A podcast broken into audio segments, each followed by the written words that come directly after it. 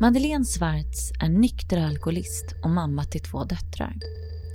Själv växte hon upp i en diplomatfamilj där livet var ett cocktailparty och nykterister några man såg ner på. År 2000 nådde hon sin botten i sitt alkoholberoende och kom i kontakt med AA, Anonyma Alkoholister, som enligt Madeleine räddade hennes liv. Nu har hon varit nykter i 16 år, men det har krävts hårt arbete. Hon har bearbetat sitt medberoende som legat till grunden för det själsliga hål som hon har försökt fylla. Insikten om hur beroendesjukdomen hade skadat hennes nära var smärtsam. En gottgörelse är nödvändig, men ett förlåt får inte vara tomma ord. Förändrat beteende, bibehållen nykterhet, lyhördhet och att ge allt för att bli den mamma som hennes döttrar saknat. Det har varit en god start för Madeleine. Idag framträder hon i media där hon delar sina erfarenheter tillsammans med sina döttrar. I familjer där beroende förekommer antar familjemedlemmar olika roller som överlevnadsstrategi. Madeleines döttrar anammade olika roller och hanterade sin mammas sjukdom på olika sätt. Genom sitt tillfrisknande fick Madeleine även sina döttrar att förstå att de behövde ta itu med sina trauman, sitt medberoende. Res dig, läk ditt medberoende heter boken som Madeleine släppte 2015. Den reder på ett tydligt sätt ut hur medberoende och beroende fungerar. Enligt Madeleine behöver vi tillfriskna på tre plan. Psykiskt, känslomässigt och andligt. Men vad är egentligen andlighet? Och är det möjligt att vi medberoende, som alltid har hjälpt och ställt upp, har ett ego? Madeleine Schwartz är certifierad alkohol och drogterapeut, energiterapeut, tolvstegsterapeut och certifierad handledare i sorgbearbetning.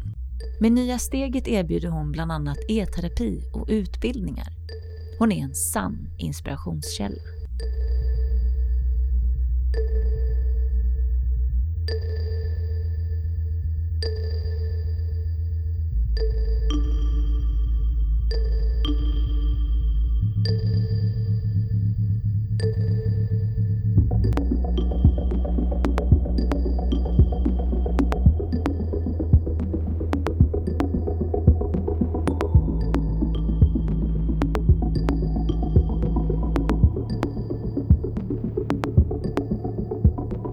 Välkommen Madeleine. Tack så mycket Ida. Jag tänkte börja med om du skulle vilja berätta lite om dig själv och vad det är du gör. Jag driver idag Nya Steget sedan fem år tillbaka som eh, riktar sig till framförallt eh, anhörig och medberoendeproblematik. Jag har en bakgrund med eget beroende och eget medberoende. Jag eh, har varit nykter i september i 16 år och Grattis. insåg, tack, insåg eh, ganska tidigt i mitt tillfrisknande att min grundproblematik handlade inte om alkoholen utan det handlade egentligen om medberoende. Mm. Att jag anpassade mig till alla andra. Och eh, till slut så, så försvann jag. Och, och den här eh, tomma hålet som, som jag då försökte att fylla med andra människor, det fyllde jag så småningom med, med alkohol. Det låg väldigt nära till hands för mig. Jag eh, är uppvuxen på ett cocktailparty kan man säga. Min pappa var diplomat. Så att alkoholen kom väldigt tidigt in i mitt liv. Och blev ehm, det naturliga verktyget för att fixa allting. Allt ifrån att fira till att fixa ont i halsen till att eh, eh, att döva vad det nu var som behövde dövas till, till att eh, fly. Väldigt eh, effektivt och eh, tyvärr så blev det ett, ett eh, tidigt inslag i mitt liv. Kan du minnas din första, liksom, eh, när du träffade så att säga alkoholen, när du drack alkohol första gången? Och vad det fick dig att känna? Jag kommer ihåg eh, när jag gick i åttan så var det väl första gången jag medvetet eh, drack alkohol med kompisarna.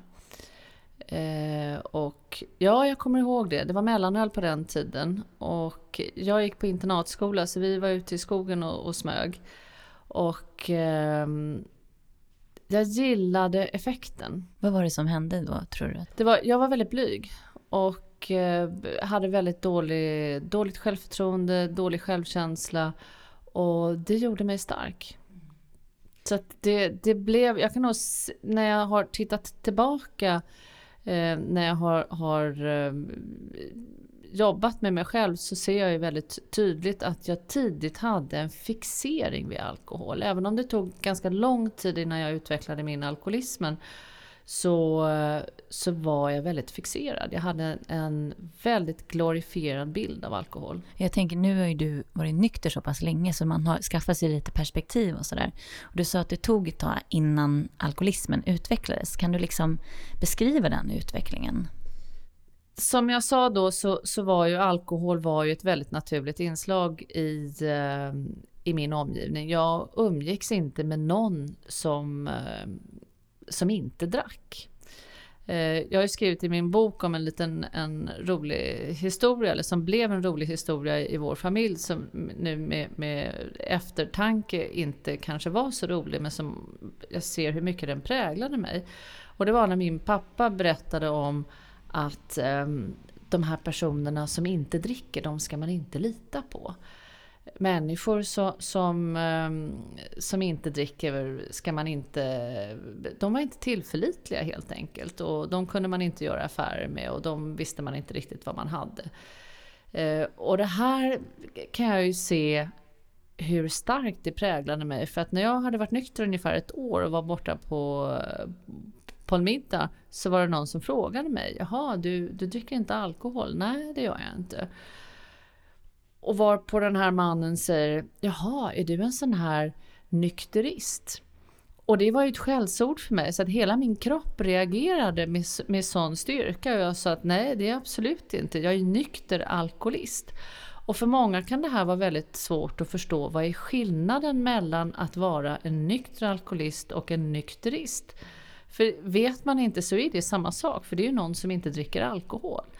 Men man gör det eh, av olika anledningar, eller man gör, dricker inte på grund av olika anledningar. När det sen utvecklades då till att eh, du började fastna så att säga med alkoholismen, på vilket sätt drack du då? Och vad var det du drack? Jag tänker att det finns mycket lite sådär snäv bild att är man alkoholist så dricker man sprit och sitter på en parkbänk. Mm. Och så kanske det inte riktigt alltid ser ut. Och tyvärr så har vi ju fortfarande den bilden kvar.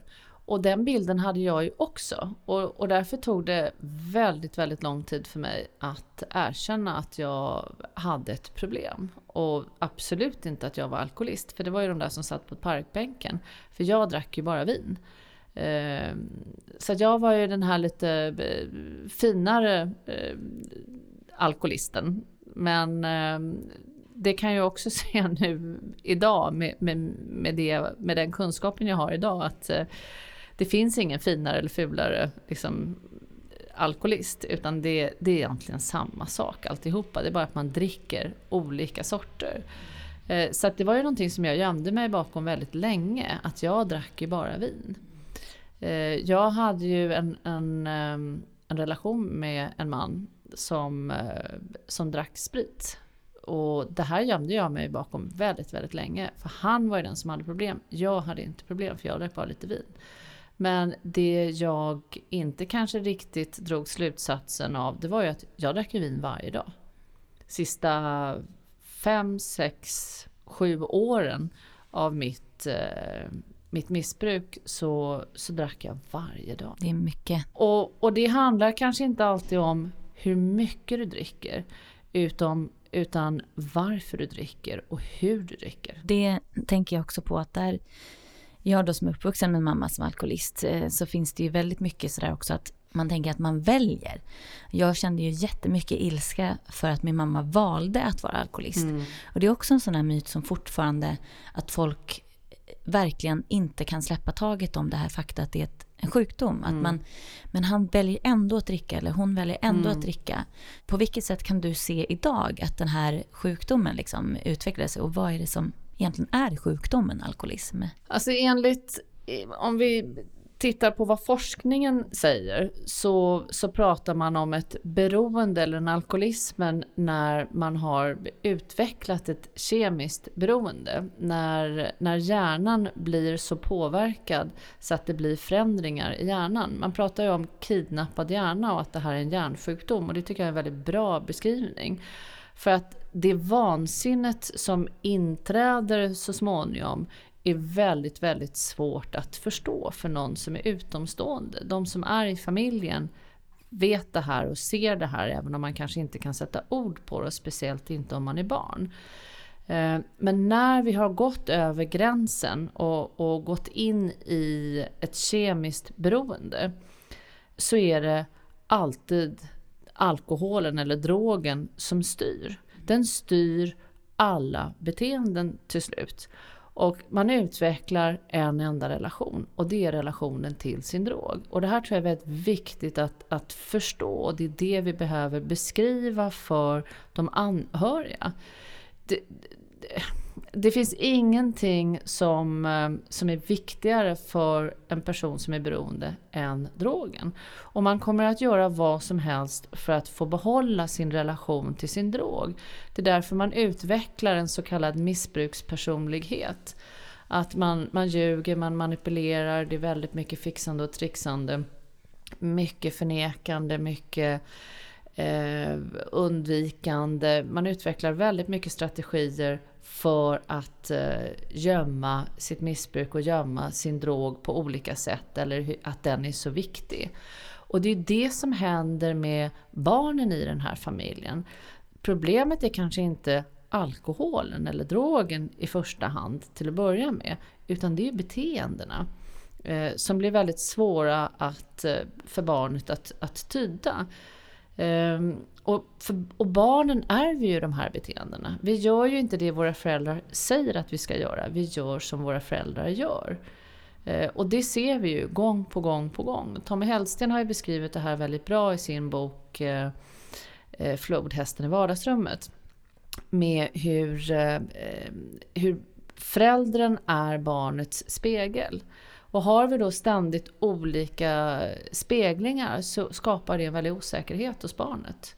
Jag brukar jämföra det med här i Stockholm så har vi ju Gröna Lund och på Gröna Lund så har vi Lustiga huset. Eh, och när man går in i Lustiga huset så, så ser du din egen spegelbild i olika speglar. Och i ena spegeln är du jättesmal och nästa är du jätterund och den tredje är du alldeles suddig.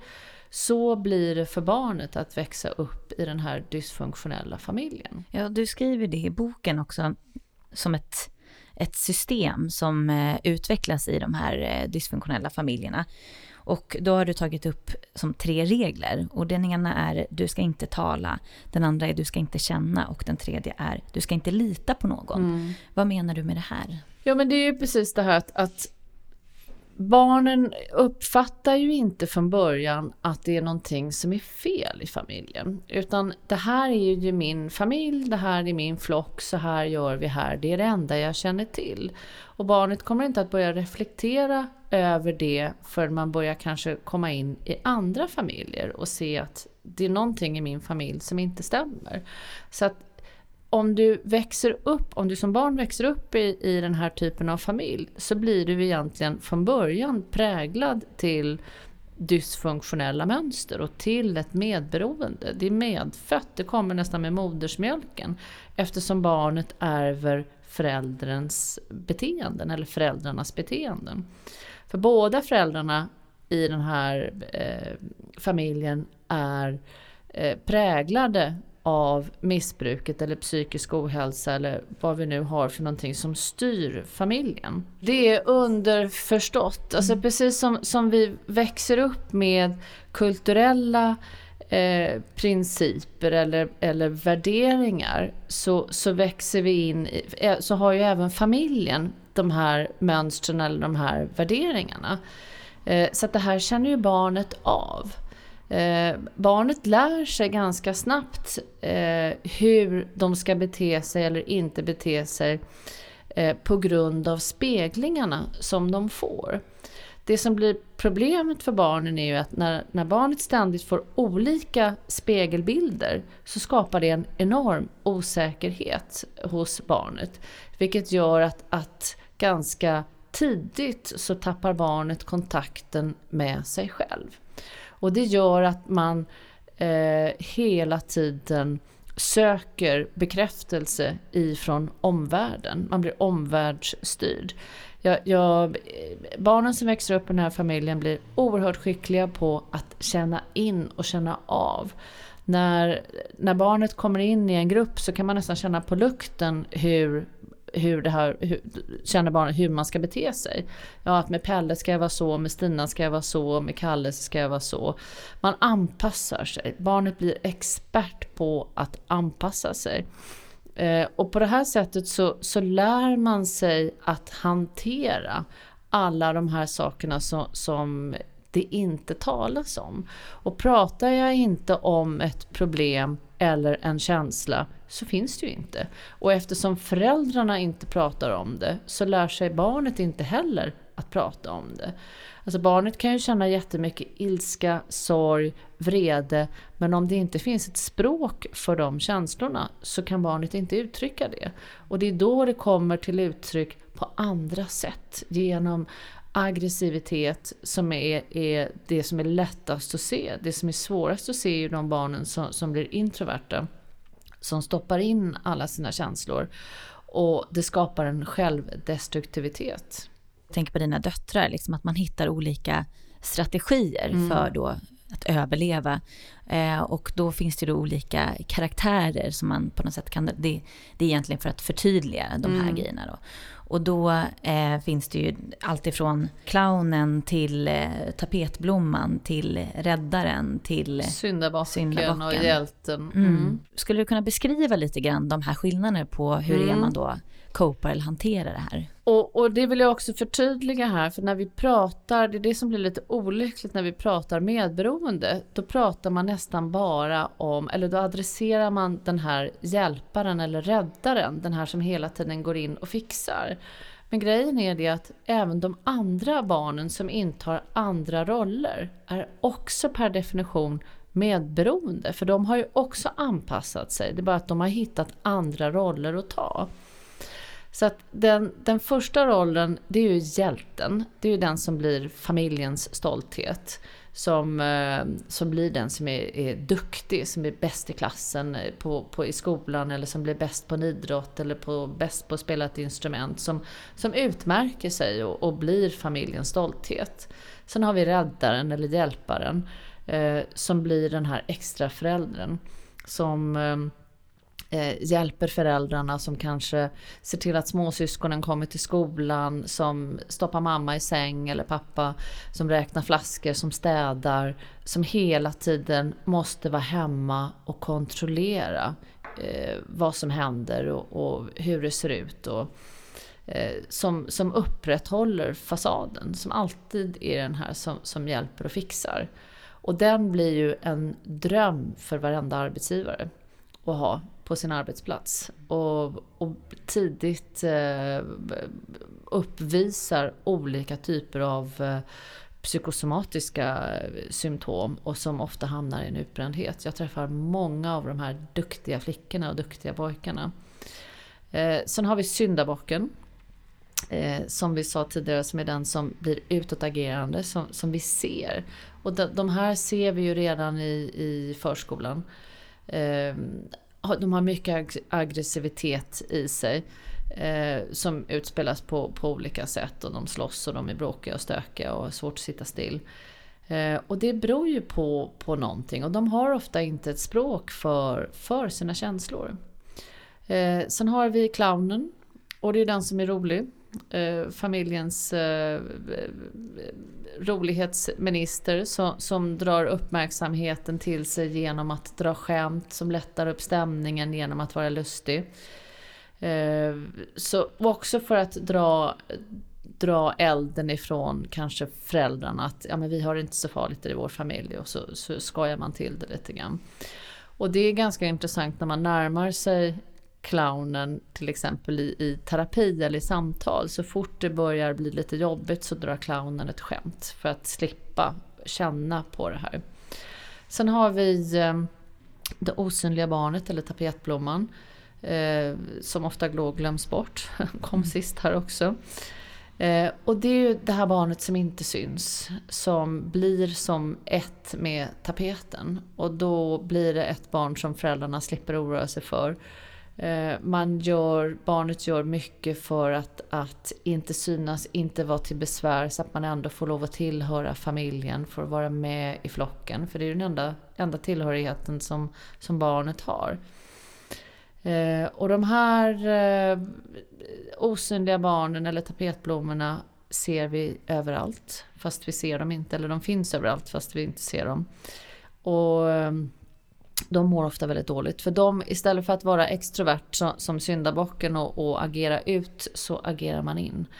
Och de är ofta överrepresenterade i självmordsstatistiken. Ofta de här som skär sig, som, som har en inre destruktivitet. Eh, så att de är, det är därför det är så viktigt att belysa alla barnen i den här familjen. Inte bara den som är den här typiska medberoende hjälparen. Utan alla de här barnen behöver, behöver hjälp och utbildning och, och information och kunskap.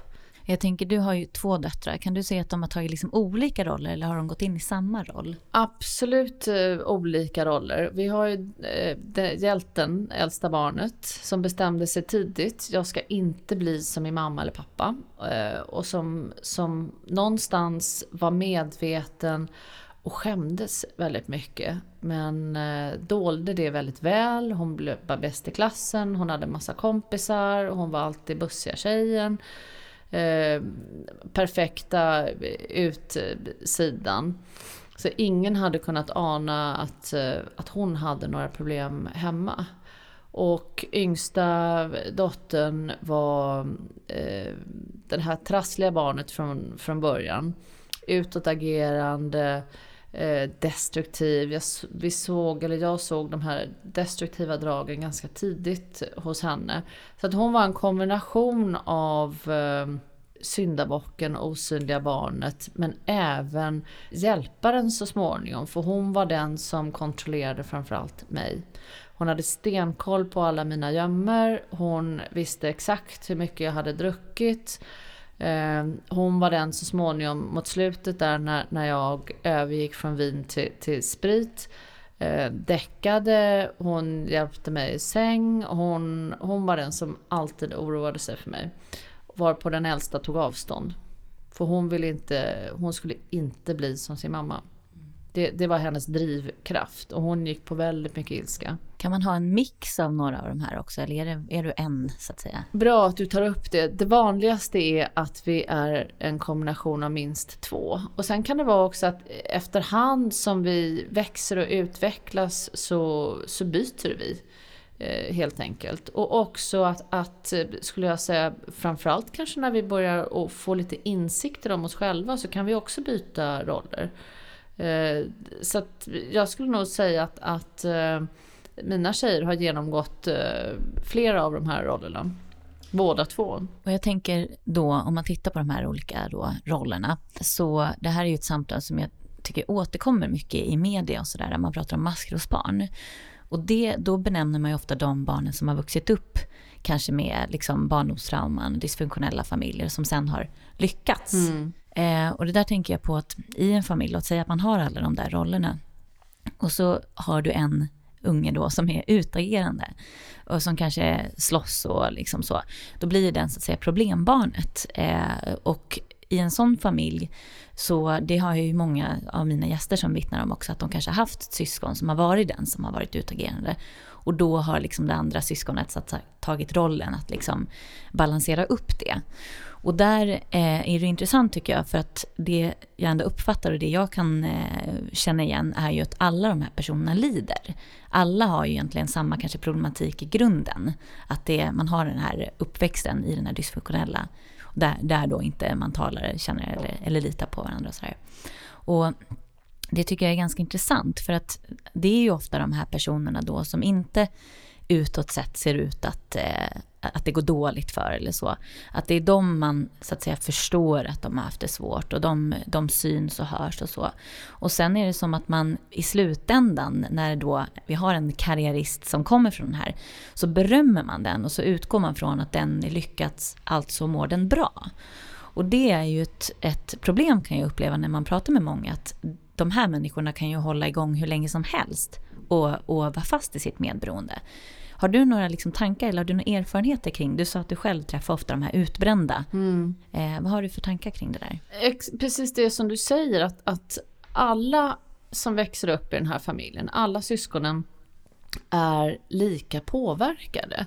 Men vi intar då olika roller, eh, för vi kan inte alla inta samma roll. För den, om en roll är upptagen så tar vi liksom nästa som finns tillgänglig. Och med de här rollerna så utvecklar vi olika strategier. Jag kallar dem för överlevnadsstrategier. Och det är ju, vi behöver dem för att helt enkelt överleva, för att helt enkelt ta oss fram. Och en kan ju vara, precis som du säger, att jag eh, jag bestämmer mig någonstans tidigt. Det här är inte medvetna val vi gör utan det är sånt, sånt som vi, vi, omedvetet kommer. Då kanske vi bestämmer att nej men jag ska bli bäst på det här eller jag ska bli duktig på det här eller jag ska ta mig fram dit och dit och jag ska lyckas och så vidare. Det blir ofta väldigt starka drivkrafter. Och därför så tror vi att den här lyckade personen är ju inte påverkad. Eh, för det syns ju inte. Vi ser inte såren som sitter på insidan. Men den personen är, är, minst lika påverkad som den som är utåtagerande. Det är bara att man har kanaliserat den här energin eh, eller fokuset till att kanske göra någonting bra inom situationstecken. För att tyvärr är det ju så i dagens samhälle idag att vi, vi mäts efter prestation. Eh, och vi blir lyckade om vi har tjänat mycket pengar eller blivit framgångsrika på något annat sätt. Då är vi en lyckad och framgångsrik person. Och har vi agerat ut negativt så blir vi ju mindre lyckade och då bestraffas vi istället. Eh, men egentligen är ju det, det är samma överskottsenergi eller samma ilska eller samma energi fast då vissa har lyckats att kanalisera det till, till att göra eh, bra. Liksom, Precis, bra saker. Då. Mm. Och det ser vi på många så, som har tagit sig fram i livet att deras drivkraft har kommit utifrån en brist.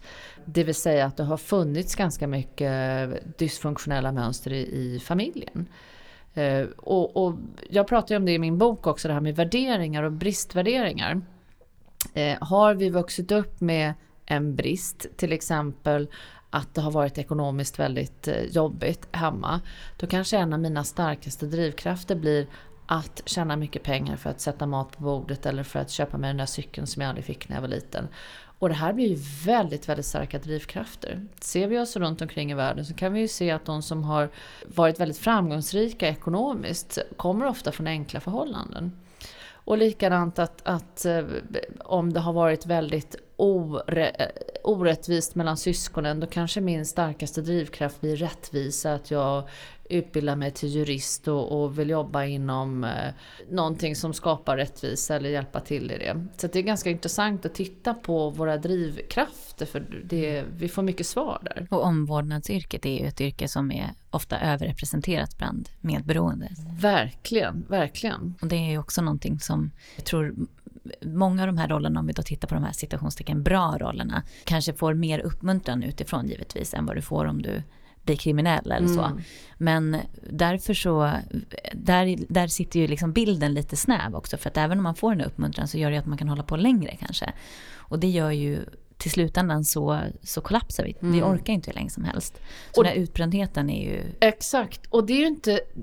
Felet ligger ju inte i att vi hjälper. Felet är att vi gör det av fel anledning. Vi gör det för att vi drivs av bekräftelsen. Vi har och alla som har vuxit upp i den här familjen har någon form av av längtan efter bekräftelse. Många går med det här tomrummet som vi fyller med olika saker. Och en av de största drivkrafterna är ju bekräftelse på ett eller annat sätt.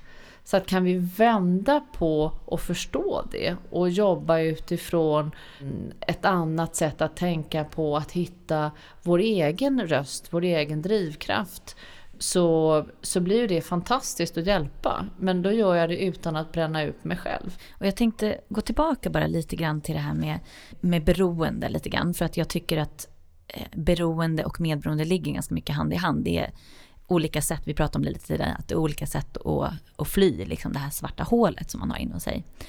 Och du har ju då skrivit den här boken Res dig, eh, läk ditt medberoende. Och där tar du upp då kring, kring, med, eller kring beroende att beroende är en livsstils, eller förlåt, livsstilsrelaterad sjukdom. Och så tar du upp att det påverkar eh, fysiskt, känslomässigt, socialt, mentalt och andligt. Skulle du kunna berätta lite om de här grejerna, de här bitarna? Mm. Eh. Stort ämne. Ja, vi kan ta en i taget. Fysiskt då? Alltså har du ett, ett eh, kemiskt beroende, om vi utgår ifrån från det som är kanske lättast i, i det här läget. Har jag, stoppar jag i mig en massa gifter i min kropp så förr eller senare så kommer jag ju att, eh, att påverkas av det. Jag får eh, besvär med, med levern, med eh, kanske bukspottkörtel, alla inre organ påverkas Jag, jag kanske får en, en, eh, en sämre fysik, jag orkar inte jag prioriterar, eller jag prioriterar bort saker som kanske är nyttigt för mig. Jag vet någonstans att, att jag borde gå till gymmet, jag borde äta lite mer hälsosamt, men jag orkar inte. För att om jag intar eh, alkohol eller droger så, så har jag redan en det har ju redan en nedbrytande effekt på kroppen. Så att fysiskt är kanske det som är lättast att förstå. Och det medför ofta, eh, speciellt när jag har utvecklat ett beroende, det medför att jag eh, umgås med andra människor. Jag söker mig till sammanhang där man lever på ett liknande sätt som jag. Jag söker mig inte till, till de som lever mer hälsosamt. För det, det, de blir väldigt hotfulla för mig, för då kommer det bli väldigt tydligt att jag har ett problem. Så att jag söker mig till likasinnade, det är ju väldigt logiskt. Och sen hade vi känslomässigt då? Mm, känslomässigt, drogen dövar mina känslor. Eh, sen kan många, många tycker ju att ja, men, alkoholen gör mig tillgänglig för mina känslor. Så var det för mig. Jag var väldigt känslomässigt avstängd.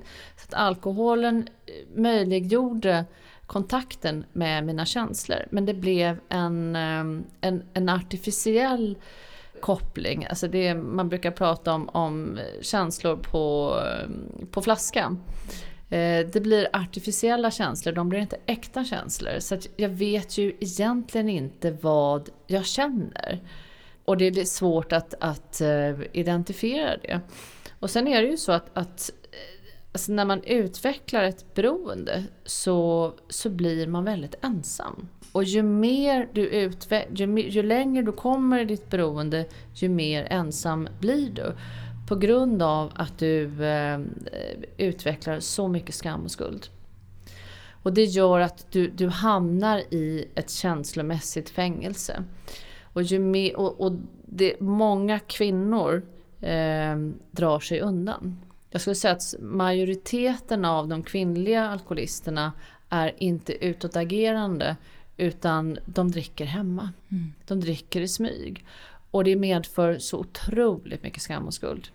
Och det här gör att, att man isolerar sig mer och mer och pratar inte om det som händer. Man, man skäms så mycket och har en så, sån, ehm, sånt självförakt så att det blir väldigt svårt att, att sträcka ut handen och, och, och be om hjälp och prata om det här. Och där var du nästan inne på det här med socialt. Men mm. finns det något mer man kan säga om det sociala? Nej, och framförallt tänker jag här med, med familj. Eh, är, om du har ett, ett eh, kemiskt beroende och har en familj så eh, isolerar det familjen.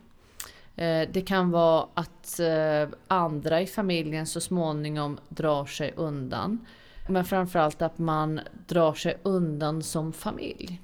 man undviker till slut sociala sammanhang, vilket då skapar en, en, eh, en isolering mot, mot omvärlden. Och det här blir ju också ett beteende som, som barnen lär sig såklart. För att de, de uppfattar ju att okej, okay, det är så här vi gör. Eftersom föräldrarna drar sig undan så lär sig barnen också att inte prata om det som är att eh, bevara hemligheterna i familjen och på det viset så, så nedärver barnen skammen och skulden. Nu är jag tillbaka till det här med barnen. Men mm. bar, det, det, det behöver, vi kan inte prata nog om hur illa barnen far i den här familjen. Mm. Det är jätteviktigt. jätteviktigt. Eh, sen hade vi mentalt. Mm. Och det är ju dels så blir det en eh, tankemässig upptagenhet med drogen.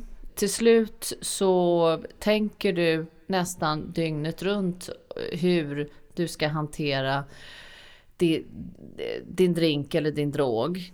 Eh, att bli kvitt, alltså att vara bakis, att bli av med det, att eh, hur ska jag kunna eh, få nästa drink? Hur kan jag skapa det sammanhanget? Att hur kan jag få ihop pengar till nästa drink eller drog? Och sen till, till att, uh, att inta sin, sin, uh, sin drog. Så att till slut så blir du ständigt upptagen av att tänka på uh, på din, din drink eller drog. Mm, den där kidnappade hjärnan som du Exakt. Mm. Och, och då är vi tillbaka till det här som vi pratade om från början. Att allting annat blir, kommer i andra hand. Det var många som, som, inte många, men några som ifrågasatte i slutändan. Men hur kan du göra så här mot dina barn? Tänk på dina barn. Ja, jag tänkte jättemycket på mina barn, men det var fortfarande drogen som var nummer ett. Eh, idag kan jag förstå en kvinna som säljer sitt barn för ett gram heroin. För att det är så starka krafter. Och det är därför det är så viktigt att, att eh, att börja med att bryta drogen. Oavsett hur drogen, nu säger jag drogen, då mm. inkluderar jag alkoholen också. För den, den kidnappar verkligen hela systemet.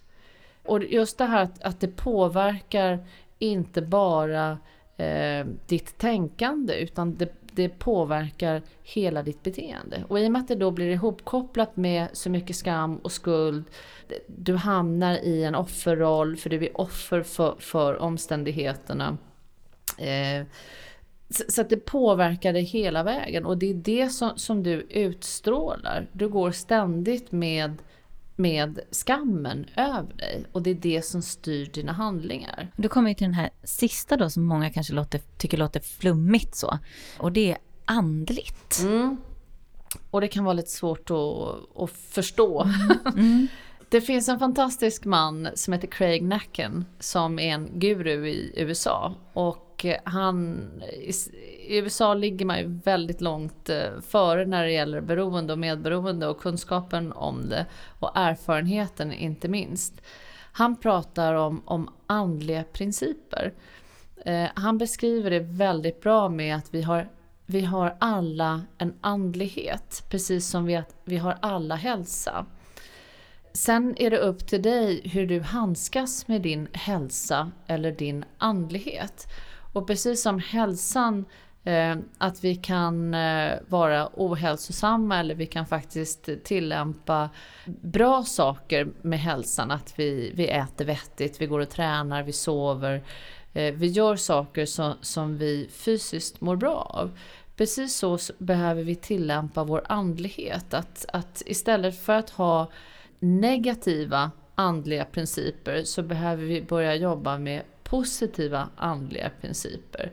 Det vill säga, hur går jag ifrån min offerroll, ifrån min destruktivitet, ifrån min skam och skuld, ifrån min avundsjuka eller ifrån min bitterhet. Hur kan jag vända det till att gå till att jobba med positiva andliga principer såsom såsom tacksamhet, såsom eh, generositet, såsom eh, eh, godhet. Eh, att, att vi att vi har en, hela tiden en, en, en motpol, en motkraft. Så fort vi känner en, en negativitet, hur kan jag hur kan jag vända det här till någonting positivt? Och det går ju både genom att, att jobba med tanken men inte minst att jobba med handling. Mm. Att, att handla sig ur sina negativa tankar och beteenden. Att jag börjar göra bra saker. Mm. Som att gå ut och ta en promenad i naturen och lyssna på fåglarna. Som att börja med meditation, mindfulness. Jag gör själv mycket yoga. Mm. Att hitta sätt att vara eh, i sitt flöde, mm. i si, sin kreativitet. De som målar, sjunger, hittar ett, ett uttryckssätt där. Att vi, vi hittar vår röst helt enkelt.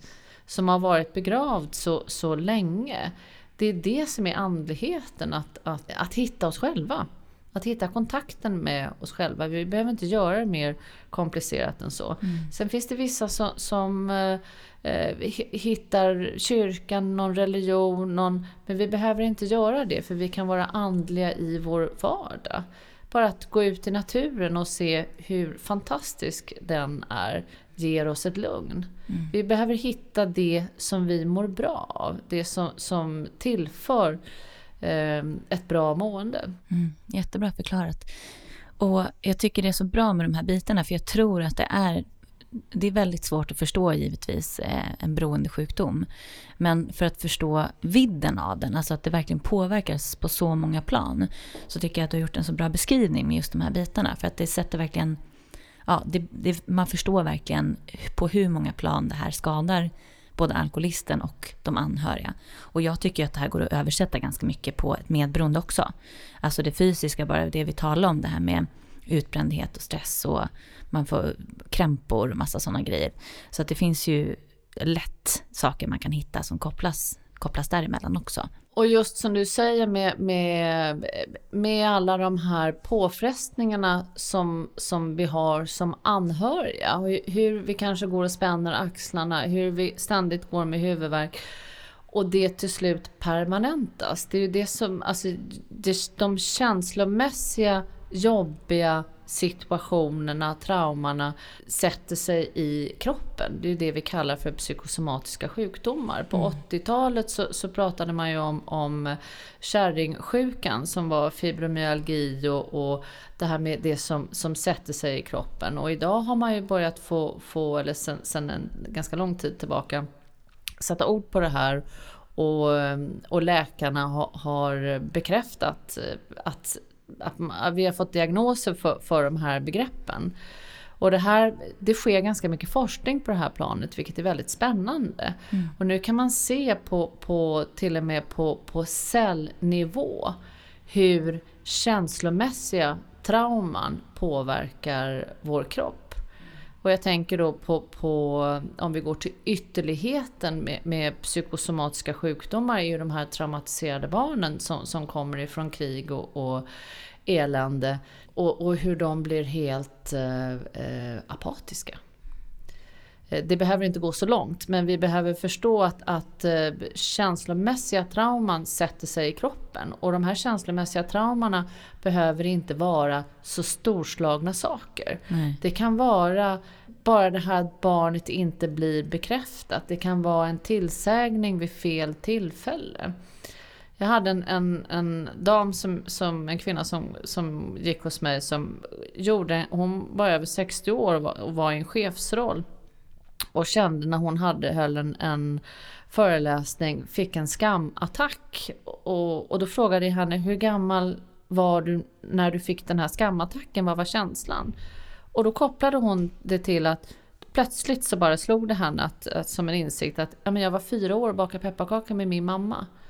Och då gjorde hon på fel sätt och fick en tillrättavisning av mamma. Hon stoppade degen du vet, i de här pepparkaksformerna istället för att trycka till det.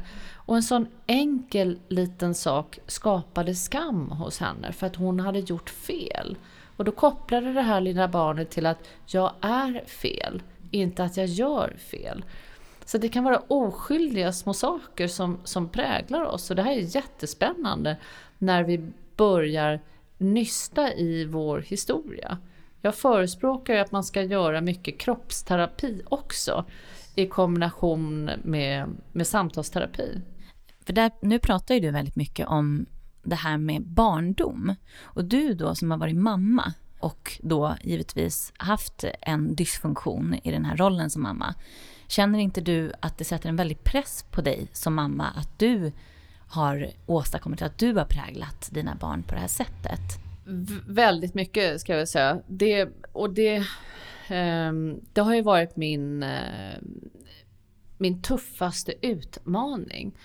Att eh, dels att göra upp med skammen och skulden eh, av vad jag har orsakat mina barn. Dels att komma ur den offerrollen som jag har varit i. Ehm, att inte eh, att inte heller ta ett överdrivet beskyddande ansvar för barnen. Eh, det här har varit en jättesvår balansgång som, eh, som jag skulle vilja kanske säga att jag har, jag har vuxit i successivt. Jag har haft som, som rättesnöre ganska länge att försöka vara en så bra förebild för mina tjejer som jag, som jag kan. Eh, att inte överkompensera. Och jag brukar fråga mig själv när jag gör olika saker eller tar olika beslut. Hur, hur kommer mina tjejer att uppfatta mig om jag gör så här? Just för att jag vill vara en så bra förebild jag kan. Och att försöka visa vägen för att det går att göra en förändring. Vi får lov att göra fel. Eh, vi kan inte ändra på det vi har gjort fel. Vi kan inte ändra vår historia hur gärna vi kanske än vill. Eh, men vi kan göra någonting åt det idag. Och det är jätte, jätteviktigt att, att inte lägga mera skam och skuld på oss själva. Så att det första eh, tycker jag är ju det här att göra upp med sin egen historia. Eh, idag använder jag min historia som min största resurs, som min största kunskapsbank. Och att gå ifrån att skämmas över mig själv till att vara stolt över mig själv. För det är ju det som jag sen kan utstråla till, till omgivningen och, och kanske framförallt tjejerna. Hur kan de gå ifrån att skämmas över sin historia och sin uppväxt till att vara stolta över den förändringen som de också har gjort. För de har ju varit med mig på den här resan mm. och har gjort otroliga förändringar och hur de har tagit tag i sina liv och hur de har vänt sina eh, kanske eh, svagheter eller negativa strategier till att kanalisera ner det till, till eh, sina största resurser idag. Det är helt makalöst. Och jag tänker, där är det viktigt att förstå också att även du är en produkt av din uppväxt och så går det ju tillbaka i historien. Och du skriver också i boken att många beroende ofta har ett medberoende som ligger där i grunden. Vad tänker du kring det? Vill du berätta lite? Mm. Nej men det är så, så rätt det du säger och, och, det tror jag är i vår process är det viktigt att, eh, att förstå att jag, jag, är övertygad om att alla föräldrar gör så gott de kan utifrån de förutsättningar de har.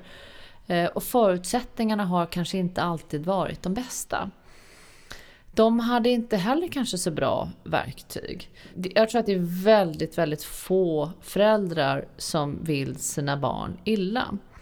Eh, sen blir det inte alltid så bra och de lyckas kanske inte alltid. Men eh, att Alltså att göra upp, det är också en av min, mina eh, käpphästar. Det här att göra upp med sina föräldrar. Ju tidigare vi gör det, ju snabbare går vi fria. Att inte vara tyngd av sin historia utan använda sin historia som en resurs. Och jag är hälften mamma, hälften pappa. Om jag ska gå och ha ett agg mot min mamma eller pappa, då har jag ju också ett agg mot mig själv. Och då, då stänger jag ju ner en del av mig själv.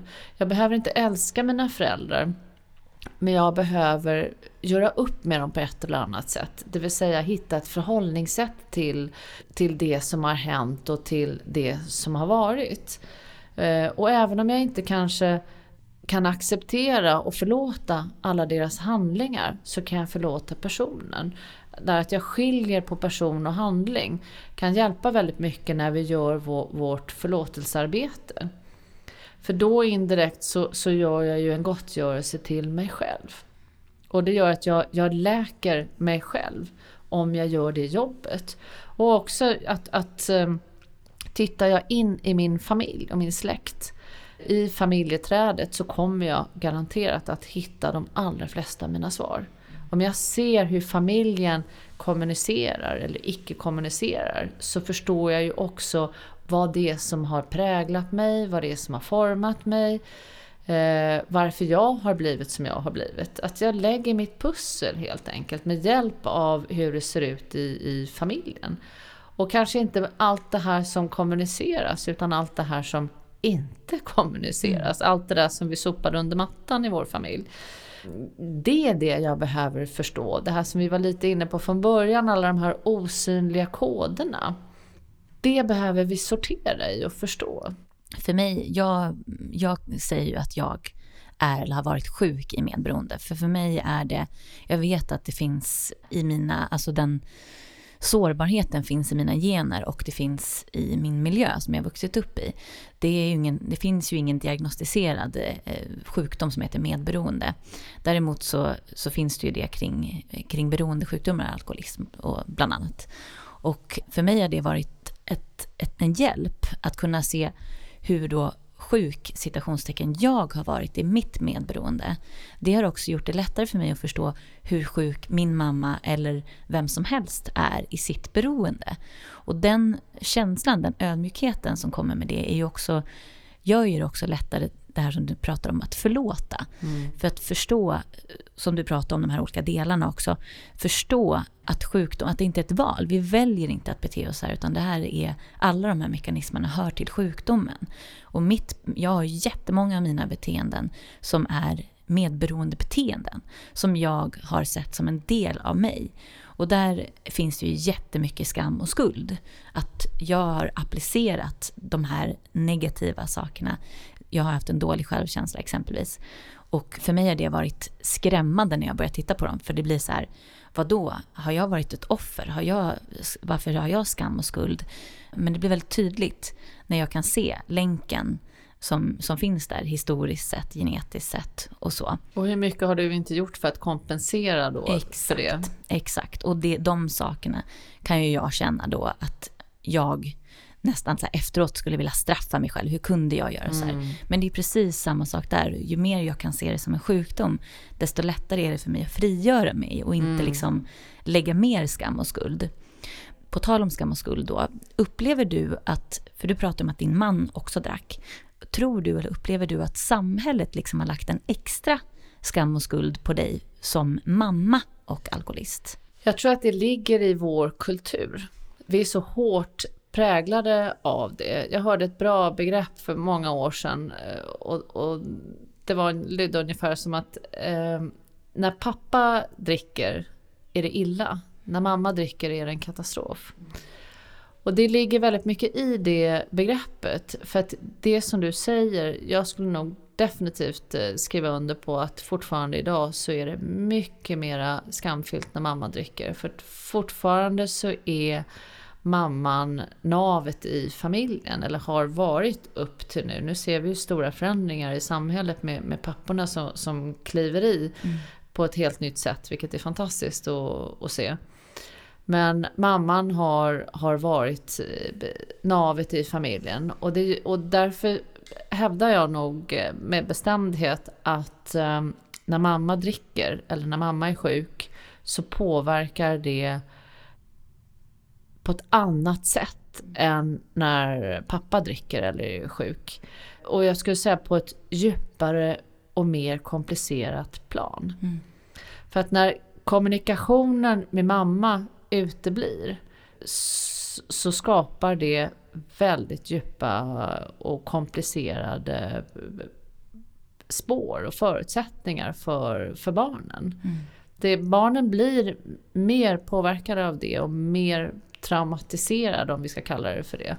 Det är svårt att läka det och det tar väldigt lång tid. Det är en lång process. Mm. Man brukar ju prata om det här med att skala en lök. Och man behöver eh, skala många, många lager. För du har dels att med anknytningen så är, för det är mamma som föder oss.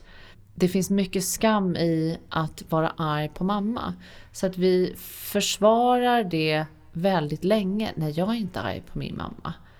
Och vi känner ofta inte att vi är det. Vi är inte ens i kontakt med att det finns en ilska eller en besvikelse på mamma. Vi skyddar mamma eh, väldigt länge.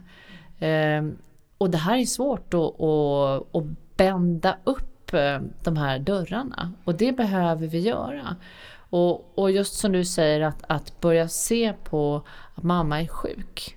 Vi, det är ingen mamma så, som vill sina barn illa.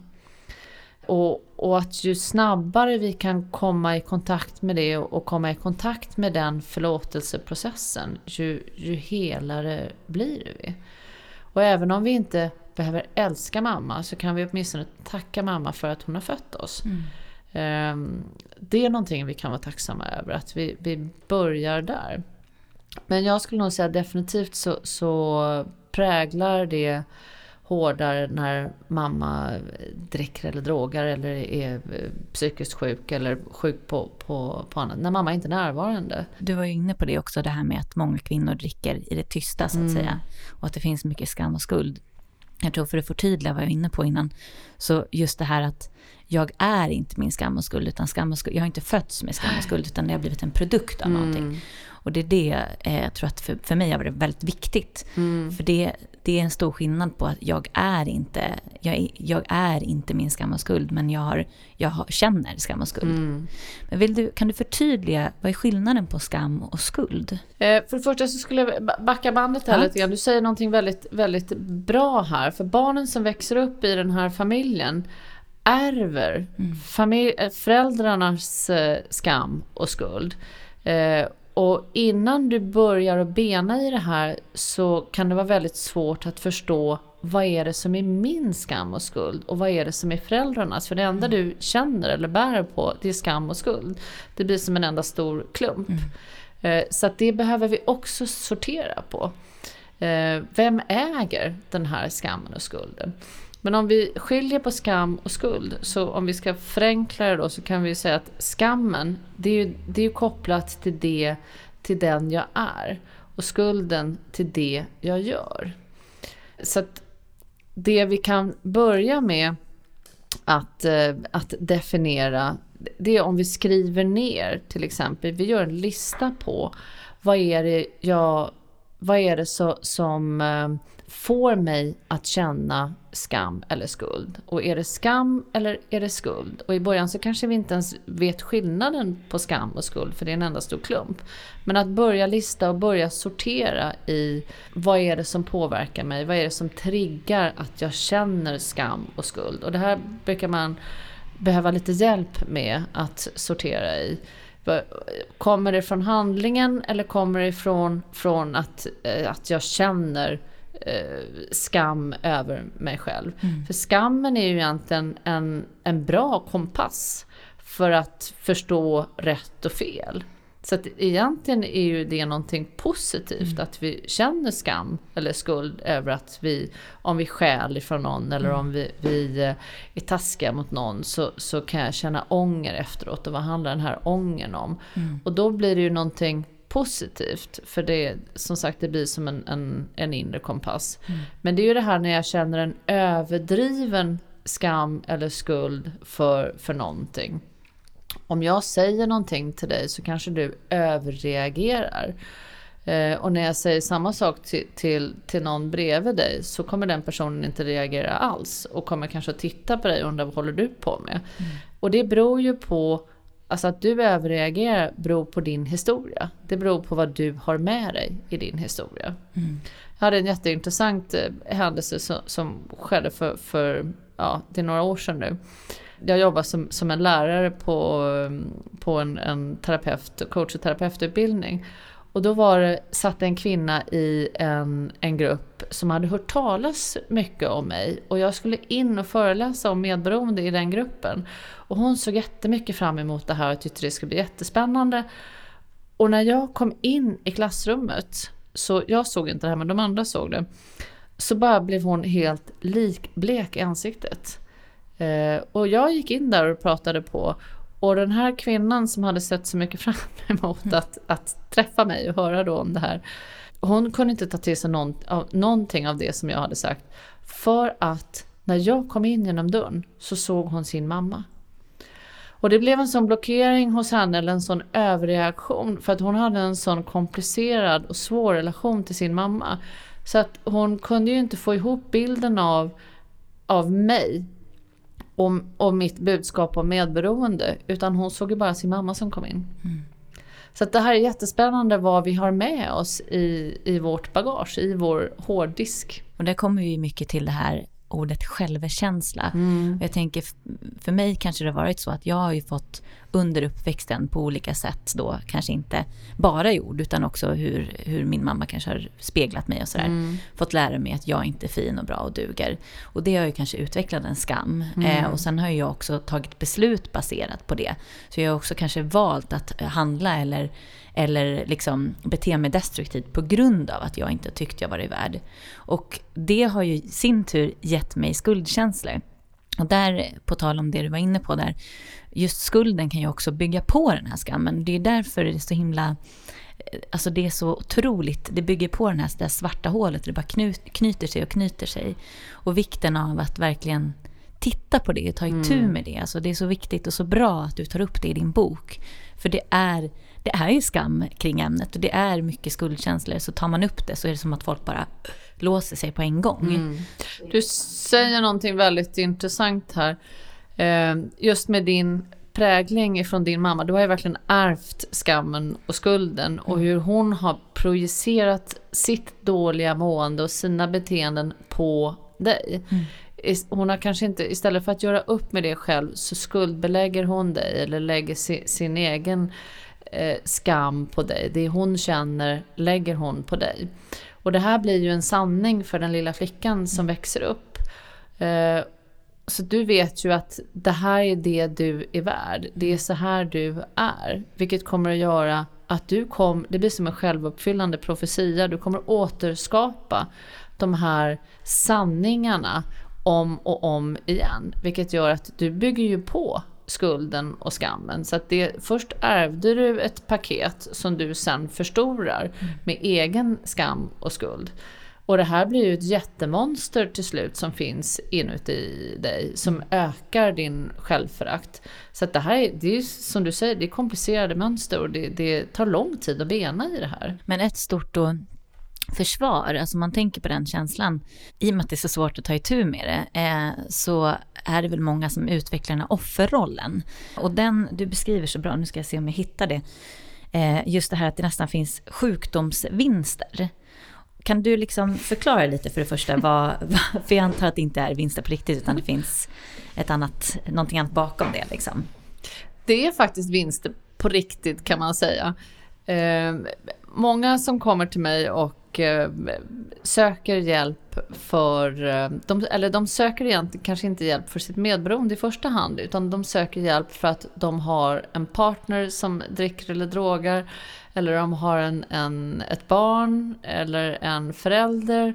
Och det är ju då den som missbrukar, om bara den fixar sitt problem så kommer jag att må bra. Eh, och när jag frågar framför allt om det som är lättast att gå på är ju om man har en partner som eh, dricker eller drogar till exempel. Och då brukar jag fråga, men varför är du kvar i den här relationen? Du är en vuxen person. Du har en valmöjlighet att, eh, att gå därifrån. Och då finns det ju tusen anledningar till varför den här personen är kvar. Mm. Och då brukar jag trycka på eh, lite hårdare och säga det. Vad har du för vinster av att vara kvar? Och då kanske det finns ekonomiska vinster. Det kanske finns sociala vinster. Eh, det kanske finns en, en, en vinst i att ja, men jag får bekräftelse. För vem, hur ska den här personen klara sig om inte jag finns där och stöttar och mm. hjälper?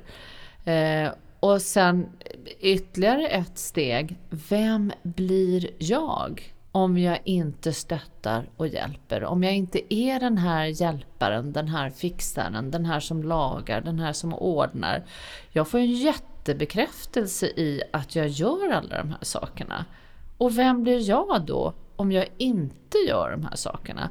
Och det är väldigt lätt att en person som, som är på det här viset om man separerar ifrån sin missbrukare, det är väldigt lätt att man går in i en ny relation med någon annan som missbrukar. Eller krokar tag i någon som behöver hjälp på olika sätt. Så att det här är jättecentralt att titta på. Vad har jag för vinster av att vara i den här relationen? Och det är väldigt många som som också beskriver de här relationerna som otroligt passionerade. Alltså att man aldrig har varit så kär. Och det är ju också någonting som gör att man blir så otrolig, just när det kommer till partner, liksom att det blir så otroligt attachment, alltså att man sitter ihop. Och just det här att man, man inte tror att jag, jag kommer aldrig kunna bli så här kär. Men det är den här intensitetskänslan som också kan bli väldigt destruktivt. För, för att vi är så vana med drama, liksom. Så man nästan mixar ihop det med vad som är kärlek och passion. Vi är ju uppvuxna kanske många gånger då med, med drama. Det blir den här berg och dalbanan mm. som går upp och ner. Och vi kommer att göra, eftersom det sitter, det här är ju omedvetet mm. naturligtvis, mm. det sitter så hårt i oss det här mönstret med berg och dalbanan. Så att vi kommer att omedvetet skapa vår egen berg och dalbana på olika sätt. Mm. Och möter vi Eh, vi är ju eh, energivarelser och möter vi en annan person som har samma berg och dalbana så kommer våra energier att hitta varandra. Det här sker ju också naturligtvis på ett omedvetet eh, plan.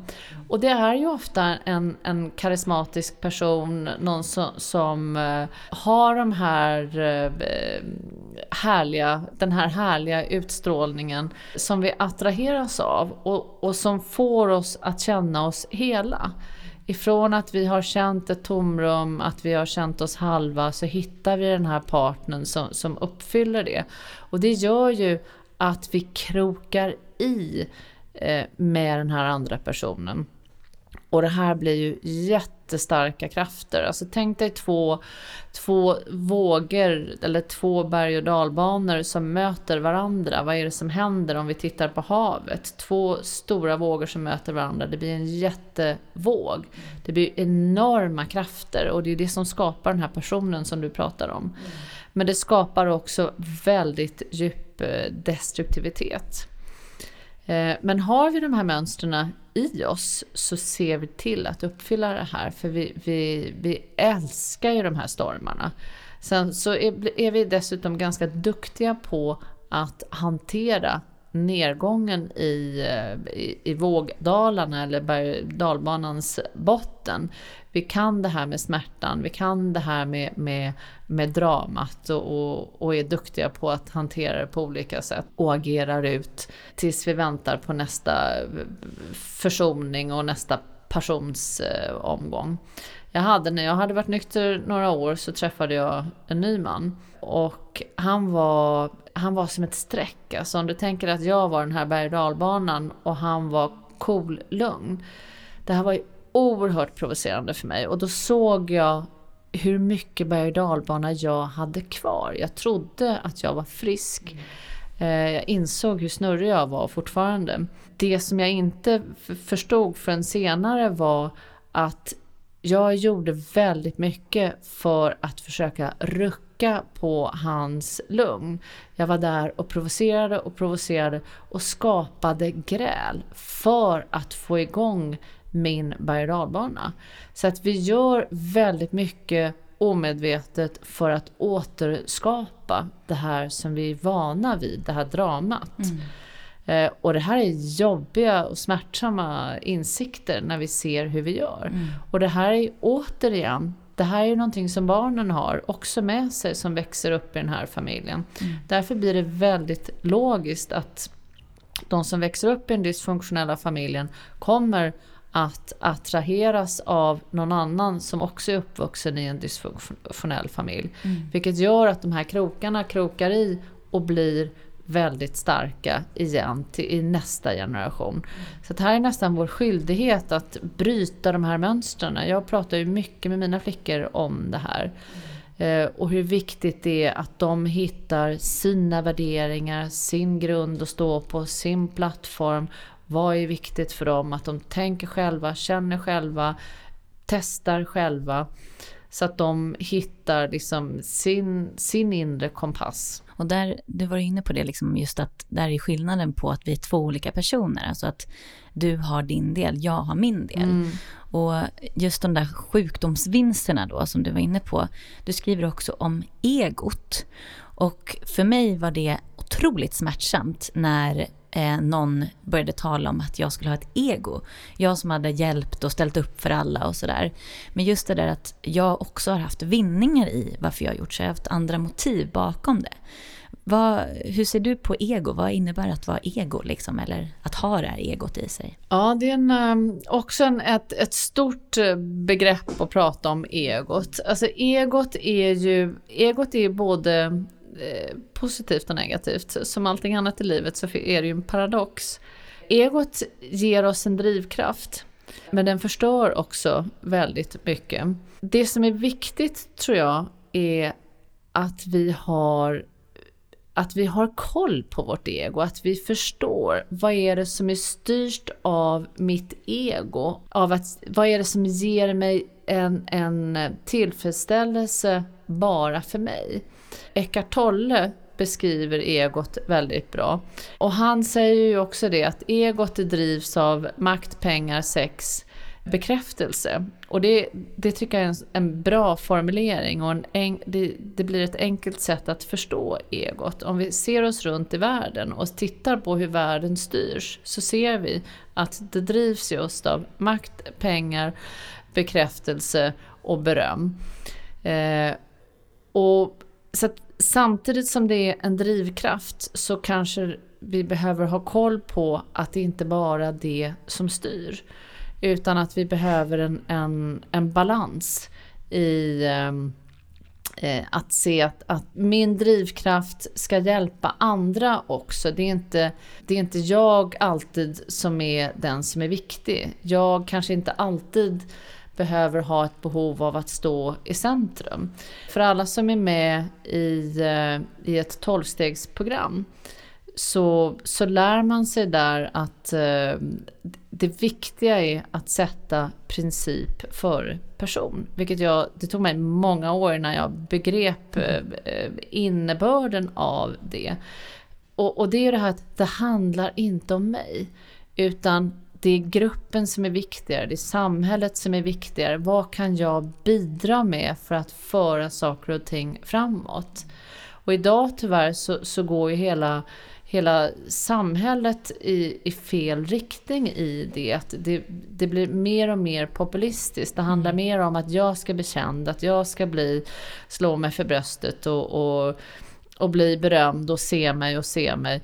Men egentligen är det ju viktigare att, att vi jobbar för att den stora massan mår bra. Hur kan jag bidra? Hur kan jag hjälpa till för, för att få andra att hjälpa sig själva eller att må bättre? Vad är mitt bidrag till, till samhället? Ja, för jag tänker det också när man har vuxit upp då i destruktivitet och där det inte har varit så bra.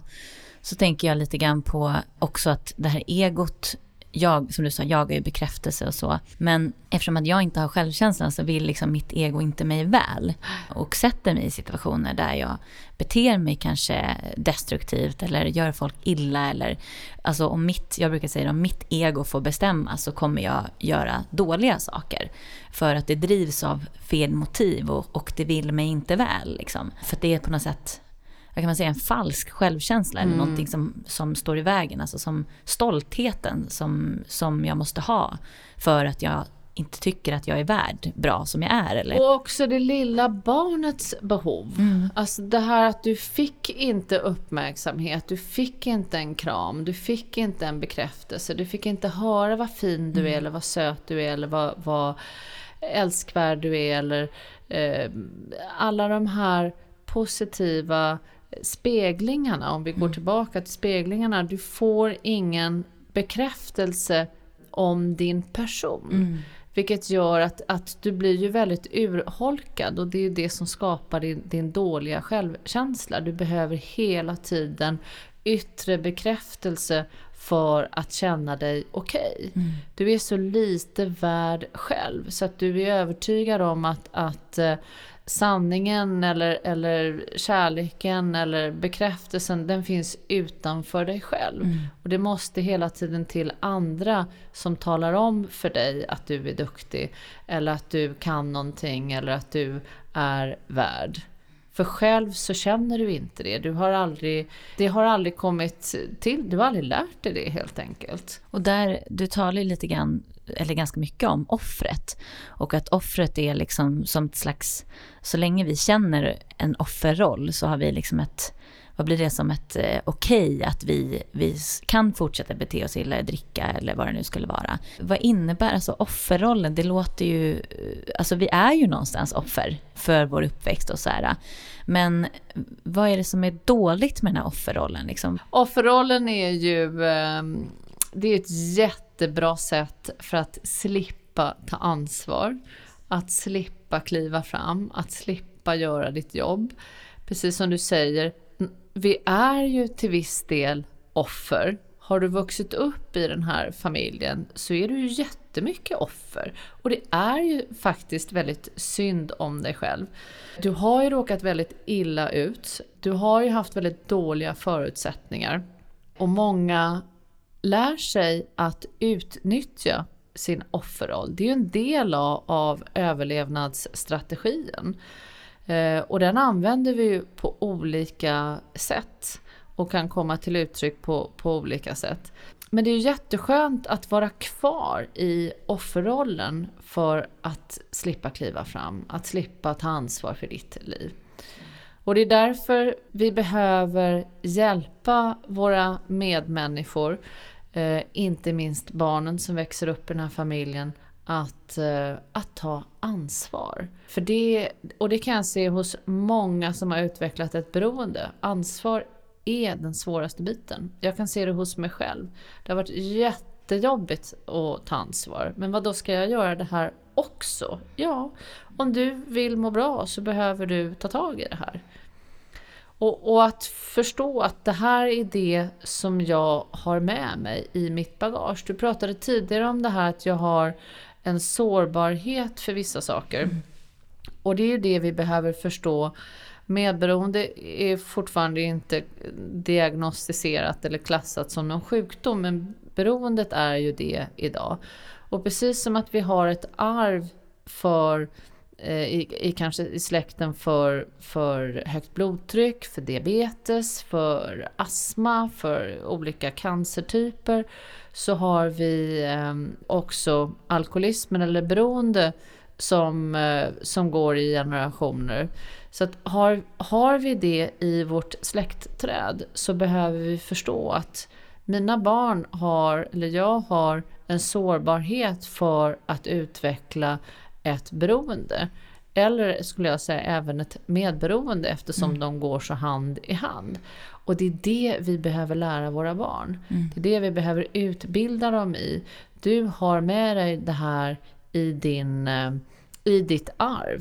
Så därför behöver du vidta vissa åtgärder för, för att inte själv hamna i den här situationen. Jag menar, om, om jag vet att vi har massa diabetes i min familj, då kanske jag faktiskt ska fundera över hur jag lever, vad det är jag stoppar i mig. Hur, apropå det här med, vi pratade tidigare om livsstilsrelaterad mm. sjukdom. Så att det är det som är mitt ansvar, att, att börja ta hand om, om de här förutsättningarna. Vi har vår, vår givna eh, hand som vi har fått, eller vårt arv som vi har fått. Och det behöver jag förhålla mig till. Det är mitt ansvar och det är lätt att bli offer för omständigheterna då. Att, äh, men jag hade det så jobbigt och om min pappa han har förstört hela mitt liv eller min mamma eller nej men min bror han tog all, all luft i vår familj för allting kretsade kring honom så att det blev ju ingenting med mig. Då har jag redan intagit den positionen och då slipper jag ju ta ansvar för, för mig och mitt liv. Och du pratar ju om det också, vikten. Jag tänker skillnaden på att bearbeta och att älta. Liksom. Att det känns som att för mig har det varit viktigt att gå i terapi för att bearbeta. För det blir liksom en konstruktivt eh, grävande så att säga.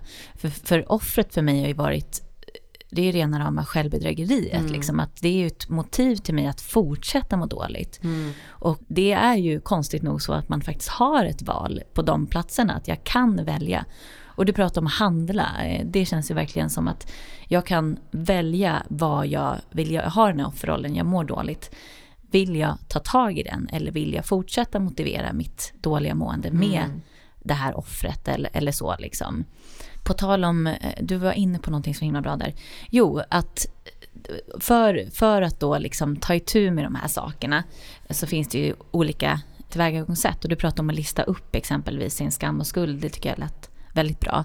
Just när det kommer till eh, offret och då att ta tag i någonting. Då tänker jag som beroende så pratar man ju om att man inte har ett val. Men samtidigt så känns det som att du måste ändå välja att göra någonting åt ditt, ditt beroende. Och man pratar om förnekelse, det är klart att det kan stå i för mm. väldigt länge. Måste man, hur var det för dig, måste man nå en botten? Jag tror tyvärr att de allra flesta behöver nå sin botten. Hur den nu ser ut, för den ser ju olika ut för alla. Det man kan göra eh, det är att ställa sig i vägen. Om du har en kompis, en syster, en, en förälder, en, ett barn som missbrukar så, så kan vi ställa oss i vägen och sätta upp den här spegeln och berätta vad det är vi ser. Mm. Och det här kan vi göra på ett kärleksfullt sätt. Att jag kan säga till dig eh, Ida, jag, eh, jag ser att du mår dåligt. Nu har jag, eller att nu har jag varit ute med dig och festat ganska många gånger och jag tycker att det, det spårar ur lite för ofta. Du blir personlighetsförändrad när du dricker. Eller vad det nu kan vara. Så att man, man fakta håller alltid. Att jag, jag berättar det jag ser. Och, och just att, att säga att det finns hjälp. Jag finns, jag finns här för dig om du väljer en annan väg. Jag ser att du inte mår bra av det här. Förmodligen kommer personen att förneka ganska länge. Men det kan också finnas en, en, en chans att just när du säger det här så säger du det i rätt ögonblick när man precis har gjort bort sig eller det har hänt någonting. Så att fönstret är öppet en liten stund och det är då man ska gå in. Och jag tänker, för det är en fråga som många ofta ställer, liksom, kan jag som anhörig göra någonting för att få alkoholisten att sluta dricka? Mm. Och där tycker jag du säger någonting väldigt mycket, att det, personen i fråga måste ju då kanske nå sin egen botten och så länge vi då möjliggör eller någonting så står vi i vägen nästan mm. för det. Men det där är som att det, det klickar inte riktigt och där tror jag speciellt för folk som är förälder till någon mm, som är jättesvårt. beroende. Det är väldigt svåra... Alltså det skulle jag säga, det svåraste är ju föräldrarollen. Mm. Du ger inte upp på dina barn mm. och du vill hjälpa till varje pris. Och det är otroligt svårt. Och det är ju det som, som många rekommenderar, men kasta ut barnen eller tillåt inte eh, droger hemma och så vidare. Och här gäller ju att, att försöka sätta gränserna. Att säga jag accepterar inte det här. Jag hjälper dig. Vill du bli drogfri? Vill du sluta dricka? Jag finns här men jag vill inte ha drogerna hemma hos mig. Mm. Att börja sätta gränser. Men när du sätter gränser så är det otroligt viktigt att inte sätta en gräns som du inte kan hålla. Så det är bättre att ta väldigt små kliv i det här. Sätt bara en gräns som du inte tänker backa i. Jag tittade på dig när du var med i Nyhetsmorgon, bland annat då med, med dina två döttrar. Och där sitter ni var och en och berättar utifrån er själva. Och jag tänker då, som mamma, vi var inne på skam och skuld och sådär, att det måste finnas jättemycket skuldkänslor som, gentemot vad du kanske har åsamkat dina barn. Och du pratar om ansvar. I tolvstegsprogram som vi pratade lite grann så har man ju en så här självrannsakan som man gör när man tittar på sina, hur man har betett sig och sådär. Och där pratar man även om gottgörelse. Är, vad är skillnaden om man bara tittar på gottgörelse mot förlåt? Liksom, kan man, är det någon skillnad på de två begreppen? Det är viktigt både när du säger förlåt och, och det är ju egentligen, förlåt är en del av gottgörelsen, mm. att det inte blir läpparnas bekännelse. Och därför Eh, för det är ju det första när du, när du har börjat att bli nykter och drogfri eh, och börjar din tillfrisknande resa. Det första du vill göra är ju att säga förlåt till alla som du träffar. För att du är så full av skuld och skam. Eh, och här gäller det ju att du har en bra, bra hjälp omkring dig. För först så behöver du härbärgera det här och göra upp med det själv.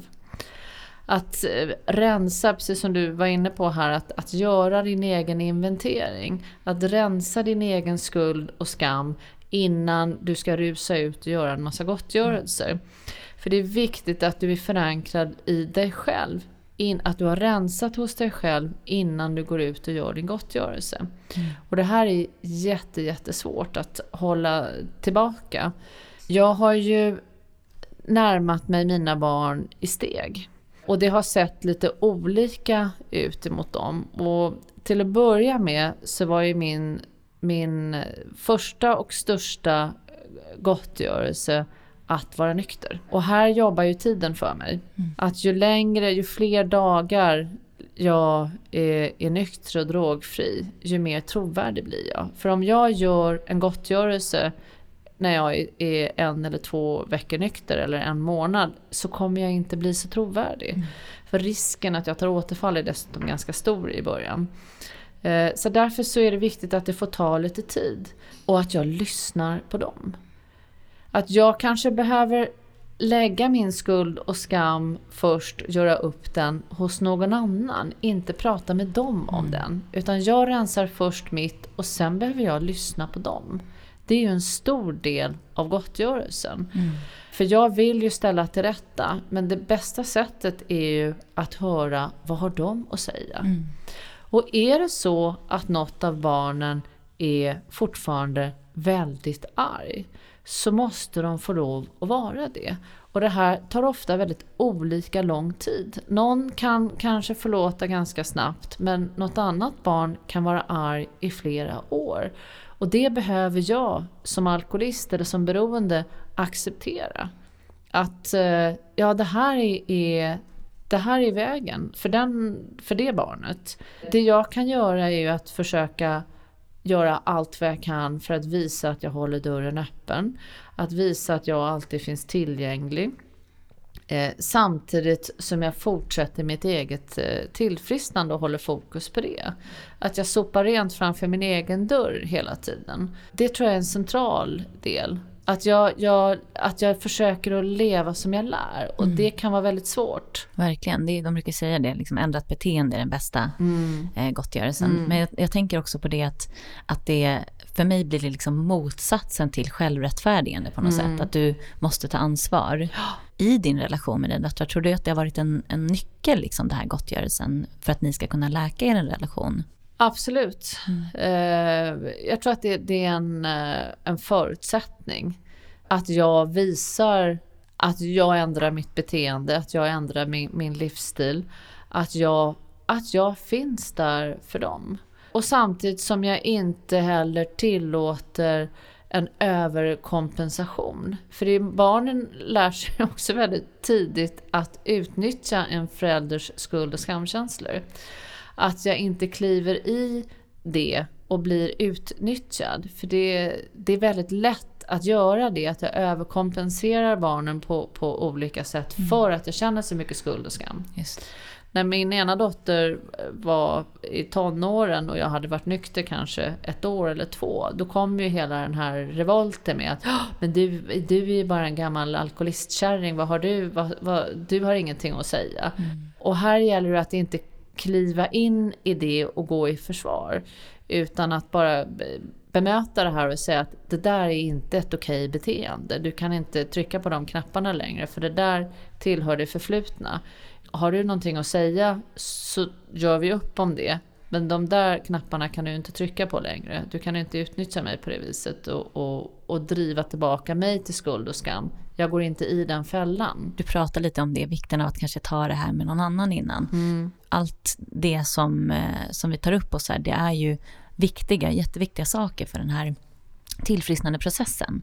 Men att det är väldigt svårt att hålla på du har även citerat, tror jag, Bill som är en del av, eh, grundade i A-rörelsen, Anonyma Alkoholister, hur man inte kan tänka sig till ett, ett tillfrisknande, ett nyktert liv. Liksom. Och vikten av att ändå ha någon, ta hjälp utifrån på något sätt. Har, har det, alltså du har ju gått då i A, har det varit en, en nyckel för dig? Det har varit en avgörande eh, nyckel. Mm. Jag skulle säga att lätt A har räddat mitt liv. Mm. Och mycket för att jag har kunnat lägga min skam och skuld där. Jag har kunnat prata och prata och prata och prata om detta. Jag har träffat andra kvinnor som har varit i en liknande situationer som har gått före mig. Som har, som har hjälpt mig, som har stöttat mig, som har uppmuntrat mig, som har pushat mig, hållit mig i handen när det har varit som tuffast just att dela sin, eh, sin skam och sin skuld. Att, att våga sätta ord på, på den, att lägga den på bordet och, och bli av med den på det viset. Hur ser du på din nykterhet idag? 16 år snart, alltså det är ju väldigt, väldigt eh, stor del av framförallt dina döttrars liv, tänker jag. Mm. Hur ser du på den, din relation till den nykterheten idag? Um, jag kan väl säga att idag mer än någonsin så kommer det alltid i första hand. Jag, jag jobbar med mitt tillfrisknande varje dag. Jag tar alla mina beslut eh, utifrån det som, som, som den viktigaste ingrediensen. Det går före mina barn, det går före mi, mina relationer, det går före mitt jobb, det går före allt annat. Det är min nykterhet. För har jag inte min nykterhet så har jag ingenting. Idag så är inte det svåraste att avstå från alkoholen. Eh, det svåraste är att hålla balansen i det här bra, eh, bra måendet. Att, eh, att fylla mitt tidigare tomma svarta hål med bra saker. Med mig själv. Mm. Med en en livsglädje, med en livslust, med en aptit eh, på livet. Och det, det kräver ett dagligt underhåll. Precis som att vi, vi om vi har, har, ehm, går till det fysiska gymmet och så behöver vi göra det med en regelbundenhet för att eh, inte tappa våra muskler. Mm. Precis på samma sätt så behöver vi gå till det andliga gymmet. Att eh, underhålla insidan så att, vi, eh, så att jag mår bra. Mm. Och, och mycket... Eh, och det här gäller ju alla delar av mitt liv. Att jag äter bra, att jag sover bra, att jag eh, tänker efter vilka situationer jag ska utsätta mig för eller inte utsätta mig för. Att jag hela tiden har ett konsekvenstänk innan jag gör saker. Och du har ju verkligen en nyckel där. Vi vill ju verkligen rekommendera att alla beställer. Jag tror boken kan vi beställa på, på din hemsida, eller hur? Mm. Och den är ju för mig tycker jag att det som är skillnaden då, det finns ju en, en del böcker om medberoende och sådär, men är ju att du har den här erfarenheten av beroende och medberoende och att du har dina döttrar som har sina perspektiv. Liksom. Och det, det är någonting som, som krävs en hel del tillfrisknande. Och det märks i, i boken hur många nyanser det finns. Och vi kommer lägga upp länkar och så också så att man, jag, jag tipsar verkligen alla om att köpa den och läsa den. För den sätter ord, alltså man märker bara nu i vårt samtal hur mycket erfarenhet och kunskap och alltså nyanser som du har att, att bidra med. Och sen, för ni, Nya Stegen, in, ni erbjuder både terapi, eh, workshops, utbildningar och så. Hur, hur funkar det? Hur kan man anmäla sig till det här och komma i kontakt med er? Det lättaste är att eh, gå in på hemsidan och mm. titta vad som finns. Eller att höra av sig till mig. Det går bra att ringa till mig. Eh, och jag har grupper, eh, lite enskilda samtal, det blir lite mindre av det. Jag jobbar ju mycket med utbildning också. Grupper, e-terapi kommer att vara huvudfokus eh, på. Och eh, jag har gjort en e-terapi tillsammans med, med Lifecap AB som är tio sessioner som är ganska omfattande. Och jag kommer ha, börja nu till hösten att ha mm, webbinarier med, där man kan eh, antingen komma fysiskt eller att logga in sig för att få hjälp och coachning i e-terapin för den kan vara ganska tuff att, att göra själv. E-terapin är ett väldigt kostnadseffektivt sätt att jobba med sitt, sitt medberoende om man kanske har begränsad kassa, att man inte riktigt har råd att gå i, i enskilda samtal. Eh, sen så vill ju jag, jag rekommenderar ju alla att gå på självhjälpsgrupper. Det är jättebra att, eh, att göra det parallellt och jag tycker det ena utesluter inte det andra. För det blir så bra att hitta andra så, som, där man kan dela erfarenheter. Men att eh, självhjälpsgrupper, egen terapi och det kan man göra i enskilda samtal, man kan göra det i gruppterapi. Jag eh, startar igång grupper nu till hösten också. Eh, och det är jättehäftigt att gå i grupp eh, och, och jobba med sitt medberoende. Jag har ett ganska omfattande studiematerial också som, som tillhör boken. Som, har, som jag har haft igång ett tag och det är jätteroligt att, att se hur väl det, det funkar. Och det är ju eh, någonting som vi båda är överens med, just vikten av att ändå ta hjälp, att inte sitta och försöka liksom lösa allting själv. Mm. Det är ju mm. ofta det som kanske varit problemet, att vi har försökt fixa allting. Liksom. Så att ta hjälp är ju ett jättestort steg.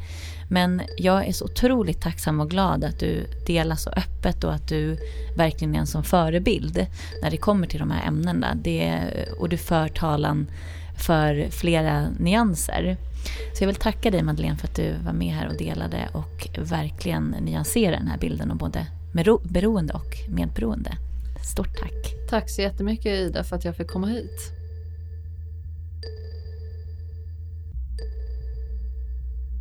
Vill du veta mer om Madeleine och Nya Steget? Gå in på www.nyasteget.se. Där kan du även köpa Madeleines bok Res dig, läk ditt medberoende. Vill du veta mer om medberoende så kan du även gå in på www.medberoendepodden.se. Där kan du även få tips om vart du kan vända dig. Följ oss gärna i sociala medier. Där heter vi Medberoendepodden.